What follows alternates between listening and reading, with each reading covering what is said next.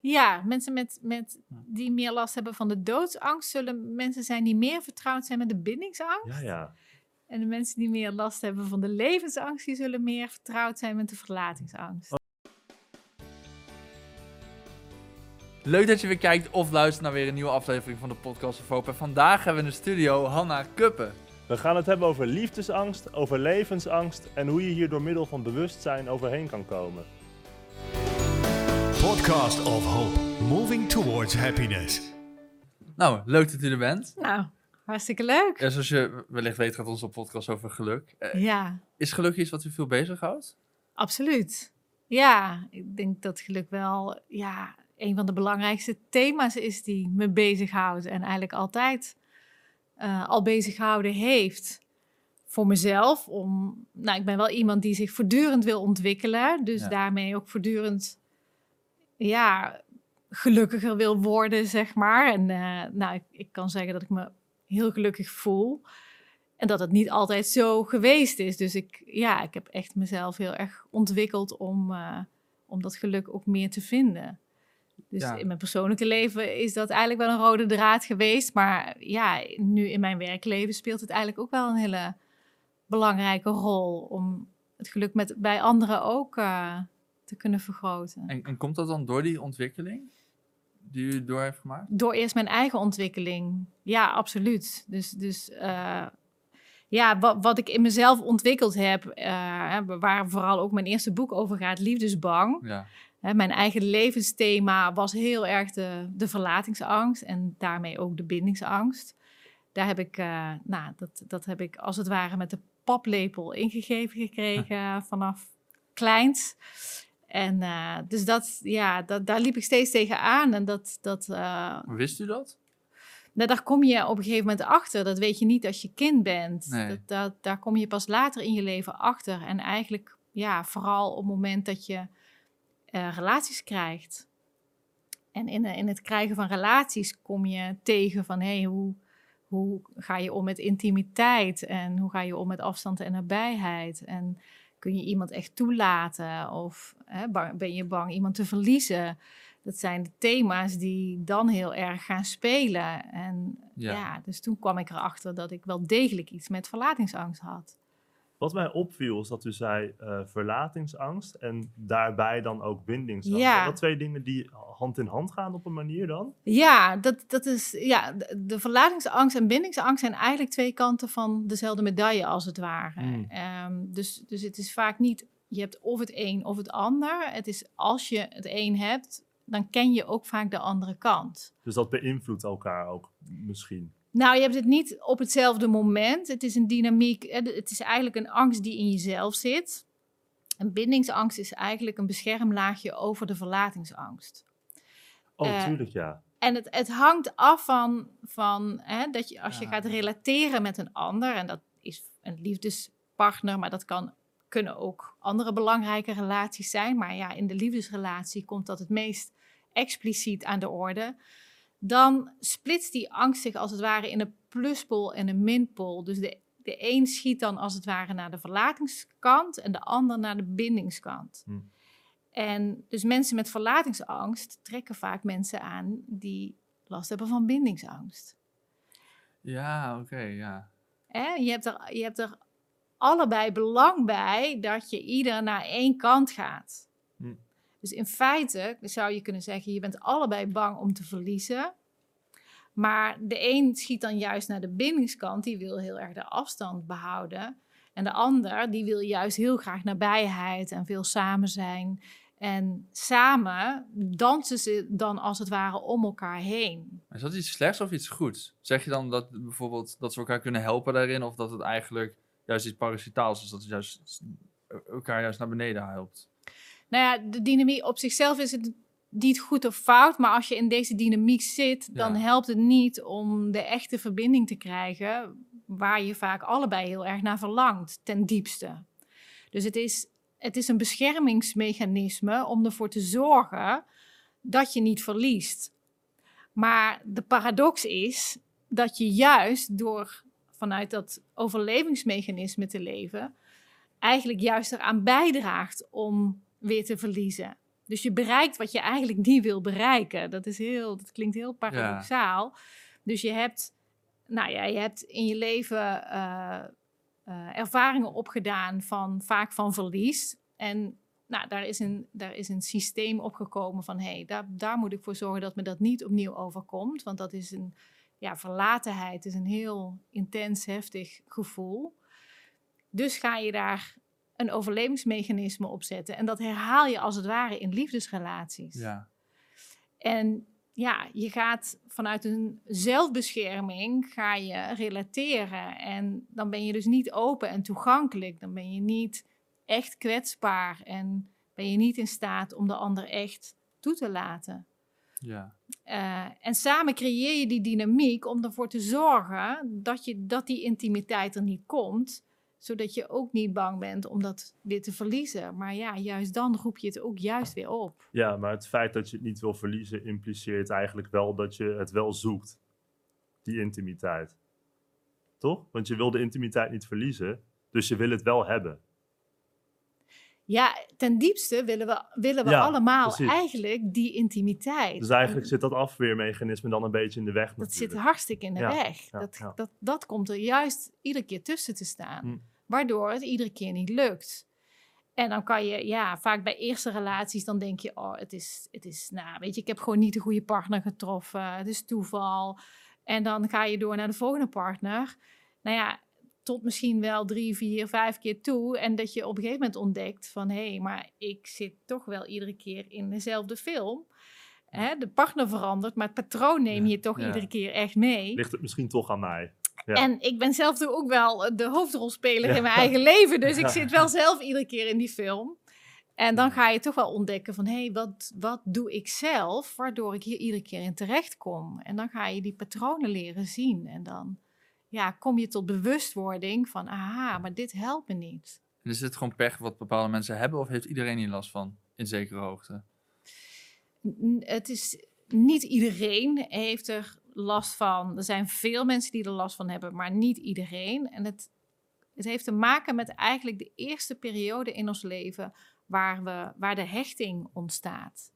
En als er in die eerste jaren, die eerste hechtingsjaren, als daar iets misgaat in die hechting, ja, dan ontwikkelen we verlatingsangst. Hechting als met je moeder? Ja, Ja. ja, dus echt met je eerste hechtingsfiguren. En dat, is- de eerste hechtingsfiguur is je moeder.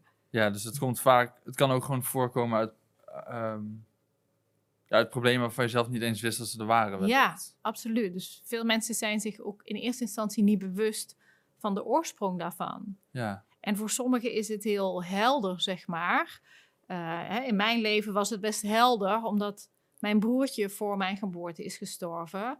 En ja, mijn ouders die rouw nog niet hadden doorgemaakt. En nou, toen kwam ik. En ja, eigenlijk, hè, als je dan nog niet hebt kunnen rouwen om het verlies, dan ben je eigenlijk ook niet klaar om de volle hechting weer opnieuw aan te gaan. oh ja. Eh, en waren ze ook ontzettend bang om opnieuw te verliezen. Want ze, Ja. ze hadden al een groot verlies meegemaakt. En dan, nou, dan komt er een nieuw kindje aan. En waren ze ontzettend ja, overbeschermend, zeg maar. En, en heb ik die verlatingsangst daardoor ontwikkeld.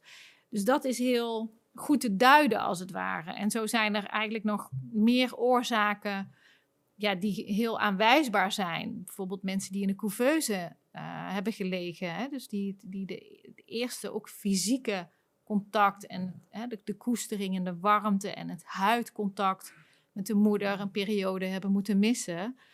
Eh, hè, dat, dat hoor je ook heel vaak terug, dat daar verlatingsangst uit ontwikkeld kan worden. Dat is echt ook al momenten waarop er nog niet echt bewustzijn is dan. Ja, Oh, wauw. Ja. Ik heb nooit erover nagedacht dat het zo eh, Nee. belangrijk Nee, kan ik zijn. ook niet inderdaad. ja, Oeh. ja. Ja, ja. dus, dus, hè, dus er, er kunnen allerlei. Vaak eh, ehm, gaat het gepaard met, met geboortetrauma.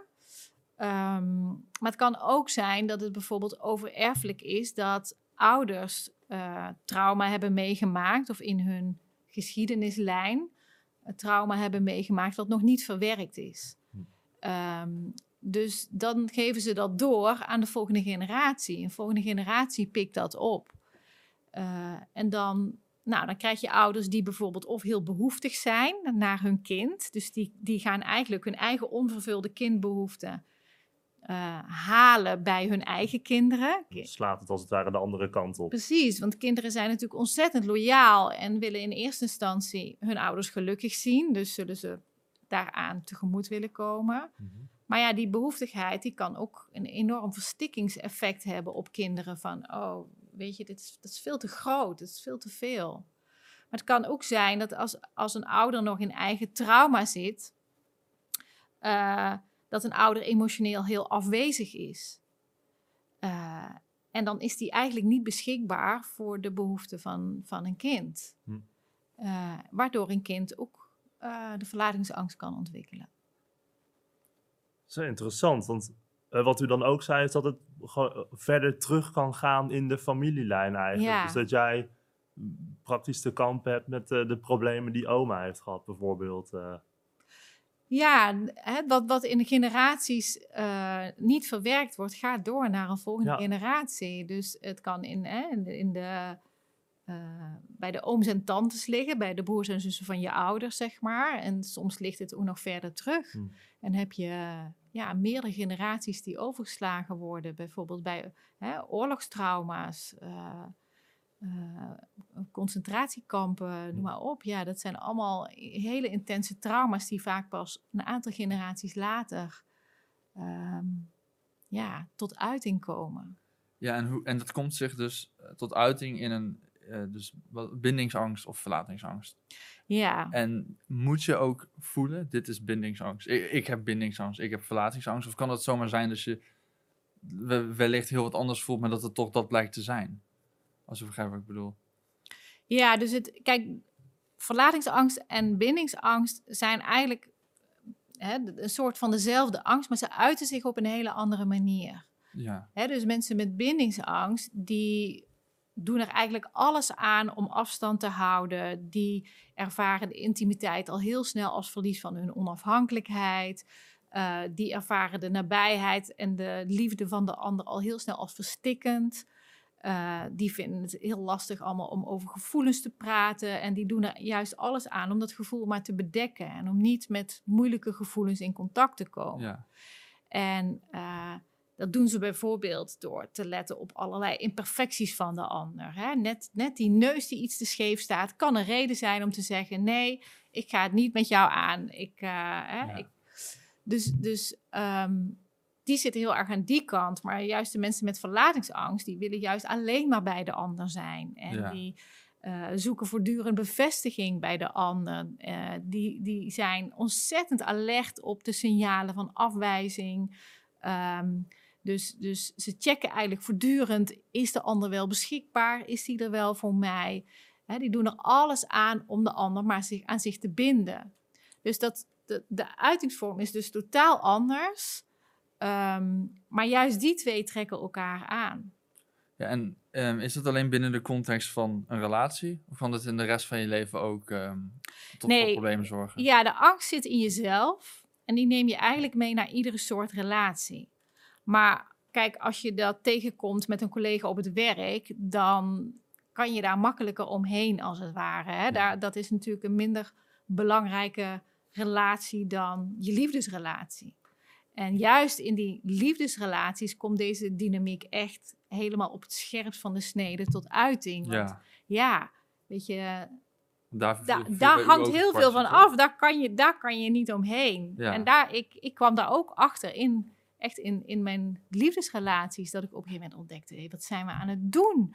We zijn hartstikke gek op elkaar. We willen eigenlijk allebei heel graag bij elkaar zijn. En als we bij elkaar zijn, dan gaat het eigenlijk, dan gaat het eigenlijk steeds net niet goed. Ja, En eh, wat, wat ik ook ontdekte was dat soms dan was ik degene die heel erg de nabijheid zocht en was die ander die afstand hield. En als ik dan dacht van, nou ja, weet je, nu heb ik er even helemaal genoeg van, dan nam ik afstand. Maar dan zocht die ander weer nabijheid. Dus eigenlijk draaiden die rollen, Oh, die ja. draaiden zich Die om. polen wisselden Dus elkaar die af. ja. polen, polen wisselden elkaar af. Dus binnen één en dezelfde relatie kan je wisselen van pool. Ja, ja. En ja, dat is, dat is wel heel interessant om, om dat ja, te ervaren. en En hoe bent u tot een oplossing hiervoor gekomen? precies mijn vraag. ja, wat doe je dan? Ja, wat doe je dan? Ehm, nou ja, het begint in ieder geval als eerste bij die bewustwording. En dat, hè, die relatie die ik nu omschreef is lang geleden. Maar dat was een relatie, wa- eh, die jongen waar ik ontzettend gek op was. Hij was ook ontzettend gek op mij. Ehm, nou, we zaten allebei in, het, in, in de psychologie, zeg maar. Dus ja, ik dacht echt, als het ons niet lukt, dan Wie dan wel? wie dan wel? Ehm, dus konden we het eigenlijk ook wel goed met elkaar daarover hebben. Dus we konden ook, ook ja, eh, elkaar helpen met van... hé, hey, wat gebeurt er bij jou en wat gebeurt er bij mij? Dus dan krijg je in eerste instantie die bewustwording van... hé, hey, wat, wat doen we eigenlijk? En dit helpt ons niet. Dit helpt ons juist alleen maar eh, ja, in wat we niet willen. Maar bewustwording alleen is dan niet genoeg. Bewustwording alleen is zeker niet genoeg. Dus dat is, dat is een heel proces. En uiteindelijk gaat het erom om te leren voelen wat er onder die zelfbescherming ligt. Hm. En dat zijn vaak gevoelens van, ehm, ja, van verlatenheid die te maken hebben met je oude kindpijn. En als mensen gaan we niet graag naar die oude kindpijn. We doen er eigenlijk alles aan om daar juist van weg te blijven.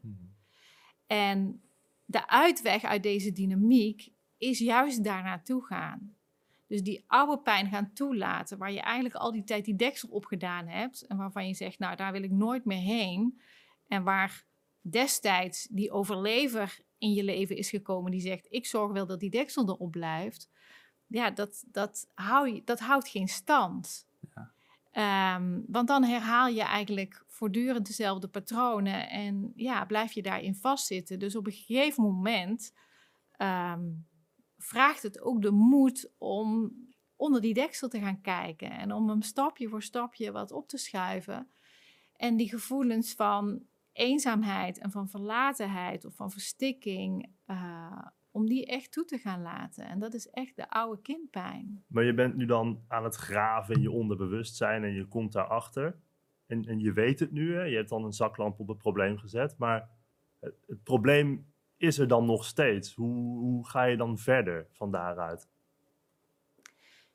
Nou ja, als je, kijk, als ik bijvoorbeeld kijk naar de mensen, hè, eh, want daarom heb ik bijvoorbeeld liefdesbang geschreven, om in eerste instantie te zorgen voor de bewustwording. Ja. ik, ik had mijn eh, eh, praktijk, psychotherapie voor volwassenen, en ik was eigenlijk in heel veel sessies mensen de psycho-educatie aan het geven van, hé, hey, zo zit het in elkaar, zo werkt die dynamiek, om ze maar bewust te maken. Ja.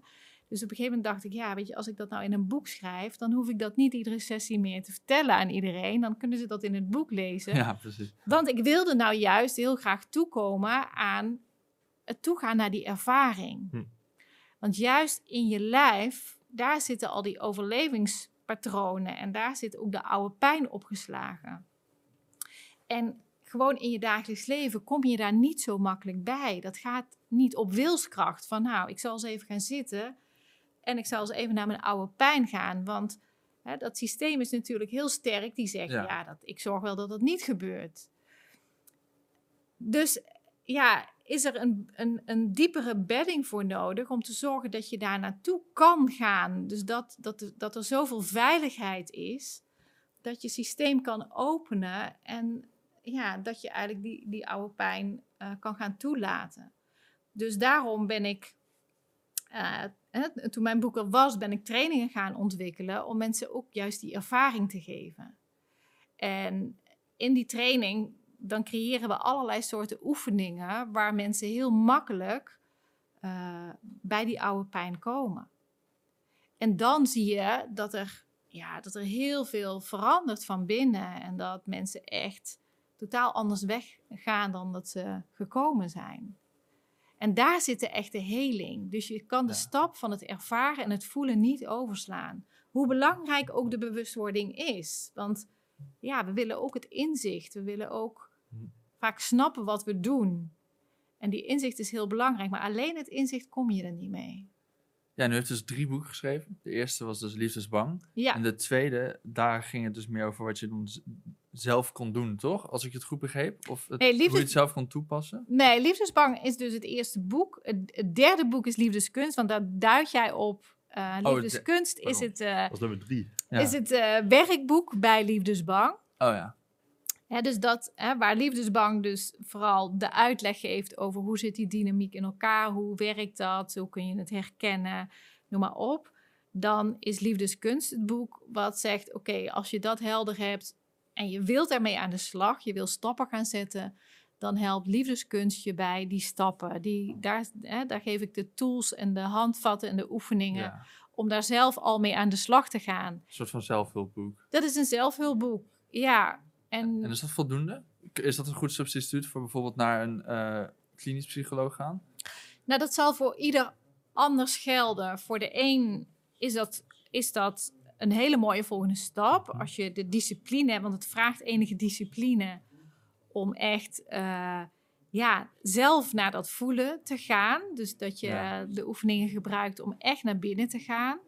En voor de een, hè, die kan dat. En de ander eh, heeft daar iemand bij nodig. Of waar het trauma zo diep geworteld zit, ja, kan het heel helpend zijn om daar juist iemand bij te hebben. Dus dat, ehm, ja. Ja, dat, dat, maar heel veel mensen kunnen daar gewoon zelf al mee aan de slag. Ja. En wat voor oefeningen moet ik me dan voorstellen in eh, liefdeskunst?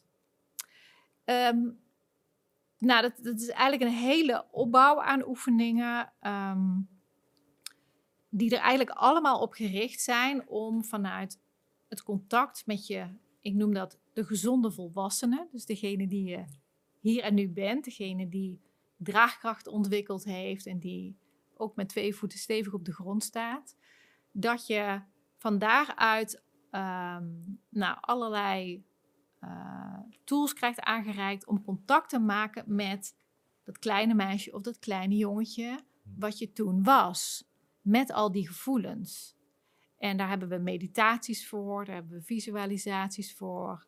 eh, om je daarbij te helpen, om je daar naartoe te begeleiden, om dat op een veilige manier te doen. Eh, veilig, want het kan ook verkeerd uitpakken misschien. nou, wat van belang is, is dat je dat echt doet vanuit het hier en nu.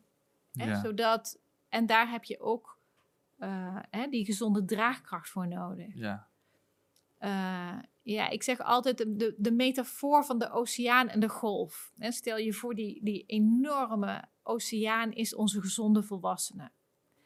En de golf is als we getriggerd worden en bijvoorbeeld partners triggeren elkaar, Ja. die, die, halen, die maken de oude pijn wakker als het ware. Dan komt er als het ware een golf op. Hè. Een trigger veroorzaakt zo'n golf van oude pijn. En dan is het van belang dat jij wel contact houdt met die volwassene, met die oceaan. En dat je van daaruit die golf laat komen. ja, Het gaat, hè, dus het wordt onveilig op het moment dat je daar onvoldoende contact mee hebt met die gezonde volwassene. Dat je als het ware de golf wordt. ja. Dus dat je je helemaal identificeert met die oude pijn. En dan is het een soort van hertraumatisering. En hè, dus je maakt het verschil en je maakt het veilig door goed verankerd te zijn in je eigen lijf. Dus we helpen je ook in de meditatie om hè, goed, goed aanwezig te zijn, goed contact te maken met je voeten, met je lijf. En om dan stapje voor stapje eh, hè, die golf als het ware toe te laten. En Ja. als die door je heen mag stromen en je kan hem toelaten, dan laat hij jou als het ware los. Dan heb je hem doorvoeld en dan laat het los.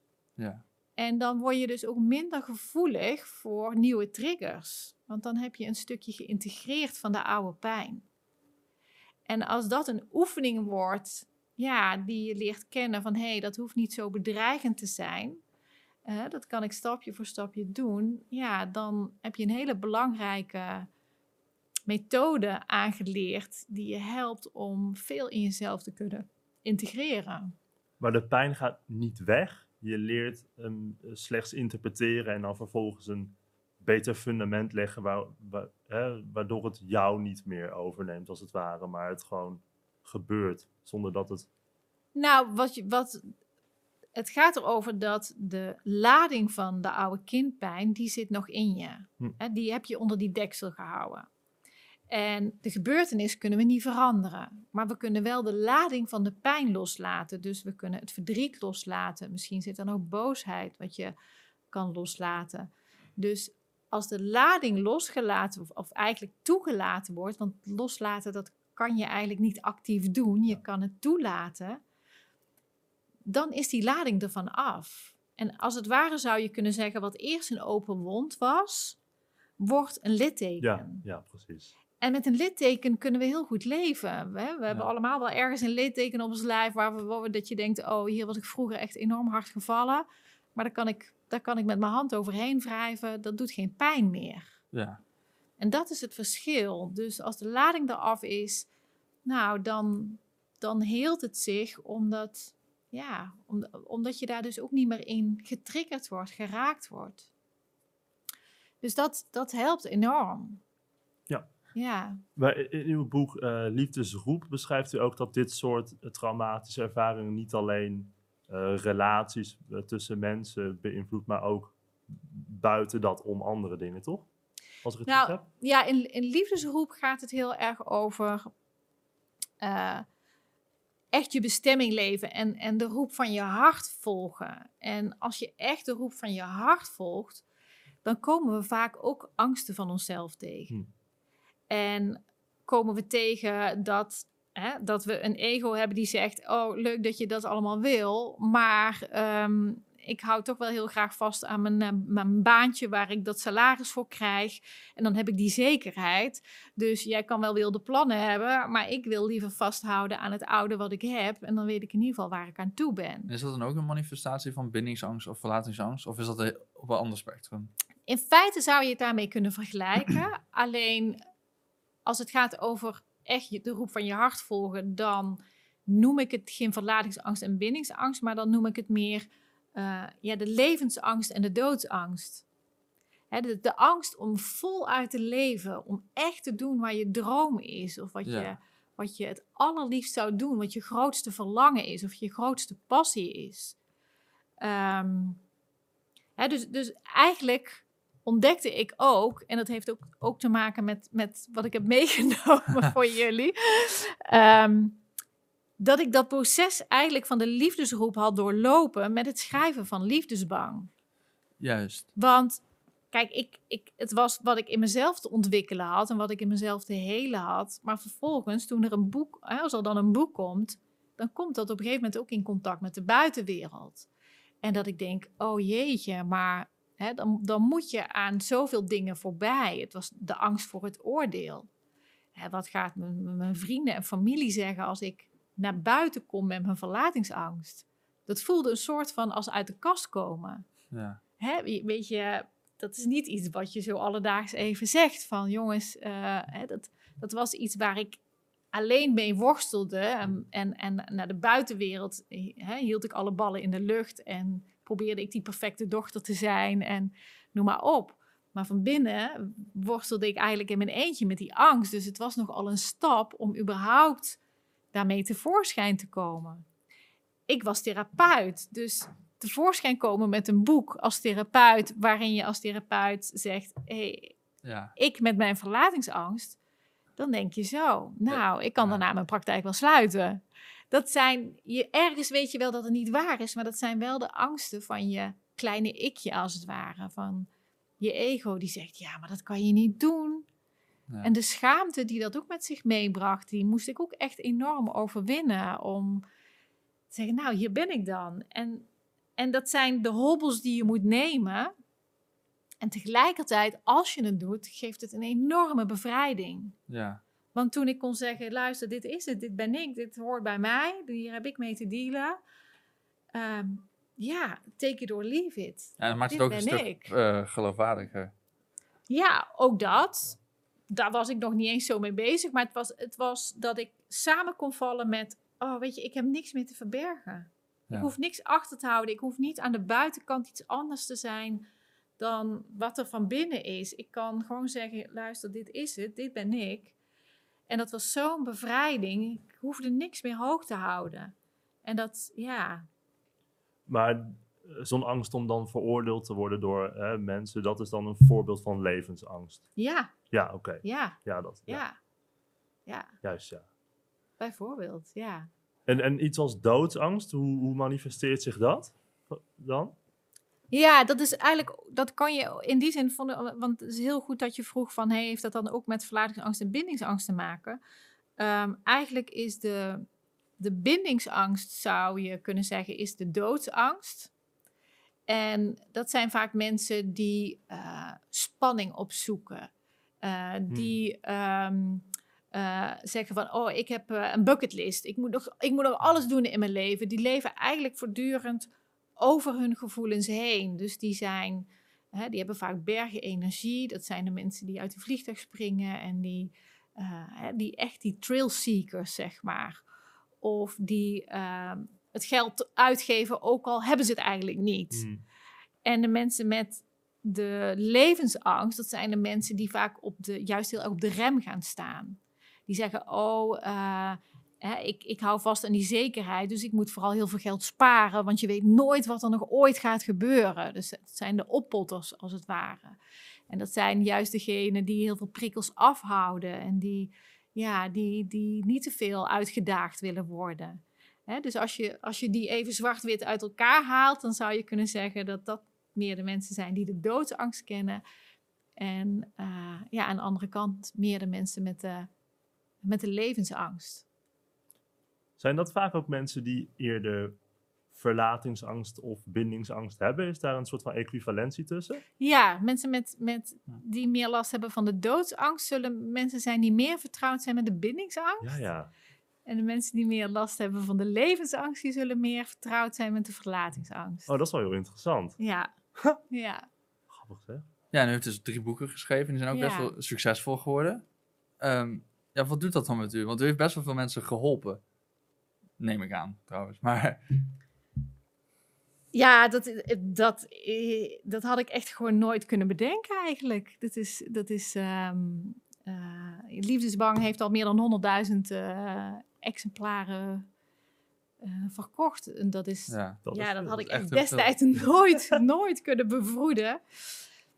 En dat is, ehm, nou ja, dat is, een, dat is voor mij wel een teken dat het enorm leeft. Ja. Waar ik ooit nog dacht in mijn leven dat ik de enige was met verlatingsangst, bindingsangst. eh, ja, ging ik op een gegeven moment zien, wacht even, heel veel mensen hebben daar last van. En dat blijkt, want het is, het, het is echt een, eh, ja, Ja. een thema waar heel veel mensen mee worstelen. Is dat misschien ook de reden waarom meeste mensen het in hun eentje proberen aan te pakken? Omdat ze denken van, ja, andere mensen snappen me niet. Ik ben de enige die hier last van heeft. Nou, dat, dat kan zeker wel een rol spelen. Dat, dat, eh, ik hoor echt ook wel terug van mensen dat. Hè, het, ik, natuurlijk heb ik dat zelf ervaren. Het thema schaamte hoort echt bij dit thema. Weet je, je zegt dat niet zo makkelijk. Of je komt daar niet makkelijk voor uit. Of je denkt, als er steeds iets misgaat in die, in die liefde. en ik, ik kan geen relaties in stand houden. of het lukt me steeds niet. dan denk je echt, er is iets mis met mij. En dat, dat, dat roept altijd een gevoel van schaamte op. Mhm. En wat ik ook eh terughoor van mensen in de trainingen, die zeggen van ja, Anne, als ik jouw boek lees in de trein, dan zorg ik wel dat mijn tas ervoor zit of dat ik er een ander kafje omheen doe. Ja. Ik kan toch niet, hè? ik wil niet dat mensen zien dat ik liefdesbang ben. Eh, of dat ze, als een collega vraagt op het werk van, goh, wat heb je vorig weekend gedaan? En ze hebben bij mij een training gedaan, dan zeggen ze van, nou, ik, eh, ik was gaan wandelen in... maar niet, eh, ik heb een training liefdesbang gevolgd. Dus dat, dat zit zeker, zeker nog veel schaamte op. En dat is ook eigenlijk, hè, ik heb met dit boek heb ik het thema heel toegankelijk willen maken. En volgens mij is dat ook de reden dat het bij zoveel mensen leeft, omdat mensen het blijkbaar eh, heel veel aan elkaar doorgeven. Ehm, ja, dat ik daarmee ook dat taboe wil doorbreken. Ja. Van jeetje, het is, het is zo'n belangrijke factor voor je, voor je geluk in je leven als het in je liefdesrelaties goed gaat. Hè, Een, een liefdesrelatie bepaalt zo'n groot deel van je geluk in het leven. Ja, dat, dat gun ik dat, dat iedereen daar de, het inzicht en de tools voor krijgt om daar stappen in te zetten. En ook al is het niet een makkelijk thema om te doorbreken, het is zeker mogelijk. Ja, mooi. Ja, Ja, dat blijkt inderdaad, hè? Aangezien het zo goed verkoopt Ja. dan. Ja. hij is al ergens voorbij gekomen, maar eh, Of welke de... welke foto? Oh, deze. nee, deze niet. Oh, Deze ook niet. ja, deze. Deze. Ja, dit is nu, eh, dit is eh, groot geluk in mijn leven dat ik samen met Mark ben. En eh, ja, daar ben ik iedere dag dankbaar voor dat, eh, dat we de liefde samen mogen leven en ervan mogen genieten. Want ik heb daar wel een hele weg voor afgelegd. Ja, Eh, want het is ook mede door deze, vertellen. door deze inzichten, door deze reis eigenlijk. Dat is echt door deze reis, ja. Als ik al die stappen in mezelf niet had gezet, dan, eh, dan had ik niet in deze relatie kunnen zijn, denk ik. Nee. Nee, dat heeft er absoluut aan bijgedragen. Nou, we hebben ook gevraagd of u een voorwerp mee wilde nemen. Ja, U had er net al een beetje naar gehint. ja. Maar ik ben wel heel benieuwd wat het is. Ja, nou, dit is een, ja, het is een foldertje van ehm, het project in Peru, wat ik eh, bezocht heb eh, begin 2015 en wat me echt enorm heeft geraakt. En dat project is opgericht door Helena van Engelen, een Nederlandse dame. En zij had echt de liefdesroep, haar, de roep van haar hart gevolgd. Zij wilde in Peru ehm, een project eh, ontwikkelen voor alle verlaten kinderen. En nou, dat waren kinderen die op straat leefden, kinderen die verwaarloosd werden, kinderen die misbruikt werden, kinderen die wees waren of die niets meer te eten hadden. En zij was een, werd een soort moeder van die kinderen. Ze heeft eh, huizen gebouwd, ze heeft echt een heel project opgericht. En waar nu ook 200 kinderen per dag onderwijs krijgen, een gezonde maaltijd krijgen, gezondheidszorg krijgen waar een hele familieprojecten omheen zitten. En ik was daar en mijn ontmoeting met haar heeft mij echt zo intens diep geraakt dat ik in eerste instantie eigenlijk alleen maar kon voelen van jeetje, wat hè, deze vrouw laat zien dat het mogelijk is. En dat kan alleen maar als je dat met liefde doet. Want volgens mij is geen enkele andere motivatie groot genoeg om dat te doen en om het vol te houden en om dat te kunnen. Ehm, en dat zaadje van liefde, wat zij daar planten, wat ik zo ontzettend voelde, dat gaf mij het gevoel van: hé, hey, ik wil hier iets aan bijdragen. Ik Ja. kan onmogelijk naar huis gaan met het idee van: nou, dit was voor mij een mooie vakantie en, en als ik thuis ben, gaat mijn leventje gewoon weer door. Ik wilde absoluut iets bijdragen en in eerste instantie dacht ik: maar, maar in godsnaam, wat kan ik dan doen? En drie dagen liep ik eigenlijk een beetje met de ziel onder mijn arm van, nou, ik had alles bedacht, maar niks klopte. En ineens viel het antwoord te binnen en dat antwoord, ik schrok eigenlijk van de eenvoud van het antwoord, want ik dacht op een gegeven moment, maar ik kan er iets over schrijven. Ik had Liefdesbang al geschreven, dus ik Ah. dacht, ik kan er iets over schrijven. En dan Mm. als ik daar een boek over schrijf, dan moeten in ieder geval de royalties van het boek naar het project. Want dat Ja. is dan mijn bijdrage aan het project. Maar vooral wilde ik ook dat zij een voorbeeld was van wat gebeurt er als jij de roep van je hart volgt. Ja, want dat had u heel erg, ge- of, eh, jou, jou heel erg geïnspireerd. Dat had het mij enorm geïnspireerd. Ja. Dus het heeft mij geïnspireerd tot het schrijven van Liefdesroep. Hè, dus dus ehm, En hopelijk inspireert het dus anderen dus dan ook. dat wil ik eigenlijk bereiken met mijn boek. Dat, Ja. dat, hè, dat ik het op een hoger plan heb getild. Dat het mensen inspireert van... oké, welke universele processen kom ik tegen... als ik die roep van mijn hart volg? En wat, welke stappen heb ik te doorlopen? En, en nou ja, als je dat weet... dan kan het jou heel erg helpen om die stappen ook te zetten... en je niet te laten weerhouden door je angsten... maar om het echt te gaan doen. En als je dat echt doet, ja, dan maak je een enorm verschil. Niet alleen voor jezelf, maar ook voor de wereld. En nou, als je het hebt over geluk, dan heeft zij het geluk van zoveel kinderen mogelijk gemaakt. Ja. En maakt ze dat nog steeds iedere dag mogelijk. Ook al is zij zelf niet meer actief in Peru, maar doet ze dat nu vanuit Nederland. Maar alles draait daar door. En ja, dat, dan, dan, ja dan, dan bereik je echt een druppel in het water die heel veel kringen maakt. Ja. Want al die kinderen die daar opgroeien, ja, die, eh, die, die krijgen echt een kans om ook zich te ontwikkelen en om ook ja, hun leven echt vorm te gaan geven naar hun verlangen. In plaats van alleen maar vast te blijven zitten in het overleven. Want Peru is natuurlijk echt nog een derde wereldland. Ja. Dus ze heeft daar zoveel bereikt en voor mij echt een enorme grote inspiratiebron. Eh, nou, vandaar, ja. vandaar de link met deze foto, omdat eh, dit is een foto van Mark en mij in, eh, in Peru. Ehm, waar wij dus eh, ook de training Liefdesroep gaven eh, met een heel groep Nederlanders. En die gaven wij die training daar op het project van Helena, zodat mensen met hun Ah, eigen ja. proces bezig waren van hun liefdesgroep, maar op een plek die zoveel inspiratie biedt, omdat ze zien, hé, hey, wat, wat heeft een ander gedaan? En ja, dat is echt eh, fantastisch om, om dat te zien. En hebben we natuurlijk ook veel van het land gezien. En nou, dat was, dat was een groot geluk om dat te mogen Ja, doen. en Daar dan wordt het we- inderdaad een druppel met heel veel kringen. Ja, ja, Ja, en het zo eh, ja, bijna blind najagen van een passie, van jouw passie, hè, wat zij dan deed met, met die kinderen, dat, dat maakt jou zelf natuurlijk ook verschrikkelijk gelukkig. Dus Liefdesgroep is eigenlijk bijna een boek die beschrijft hoe je jouw geluk moet najagen. ja eigenlijk. eigenlijk wel. Het, Ja. is, het is echt een, ja, het staat er ook op een richtingwijzer naar je levensvervulling. Hm. Echt, eh, ik, ik geloof daarin en ik, ik, ik kan het natuurlijk ook uit eigen ervaring ehm, zeggen dat, dat wat ik getransformeerd heb met het hele van mijn eigen verlatingsangst en dat door te mogen geven aan de mensen die in mijn training komen, dat, ja, dat geeft het grootste geluk wat je kunt bedenken, omdat ik gun wat, ja, wat ik zelf natuurlijk ook ehm, heb kunnen helen, dat gun ik als geen ander aan andere mensen, omdat ik weet wat je ervoor terug kan krijgen en dat het mogelijk is om echt eh, ja, de liefde te vinden in jezelf. Hè? Want dat hoeft, dat hoeft niet, totaal niet af te hangen van een relatie, maar vooral in jezelf.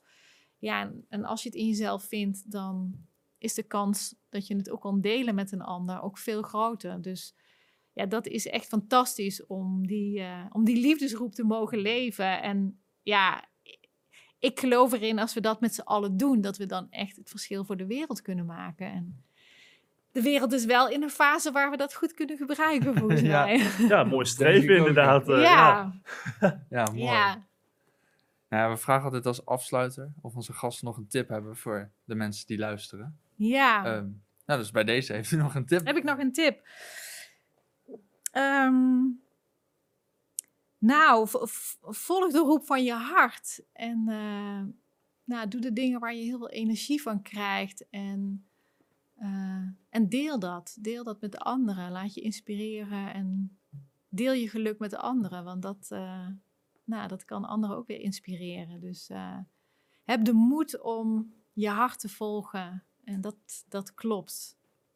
Ja, nou, Duidelijk, ja. ja, mooi. Nou, heel erg bedankt dat u hier wilde zijn. Heel graag gedaan. Dank voor jullie uitnodiging. Heel erg bedankt. Leuk dat je keek of luisterde naar deze aflevering van de Podcast of Hope. Iedere zondagochtend komt er een nieuwe aflevering online op iTunes, Google Podcasts, Spotify en je kan ons zelfs bekijken op YouTube en podcastofhope.nl.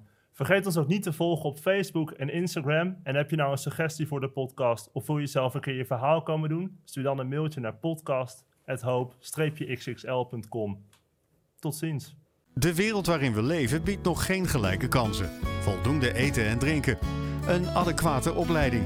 Goede gezondheidszorg. Vrede en geluk is niet voor iedereen weggelegd.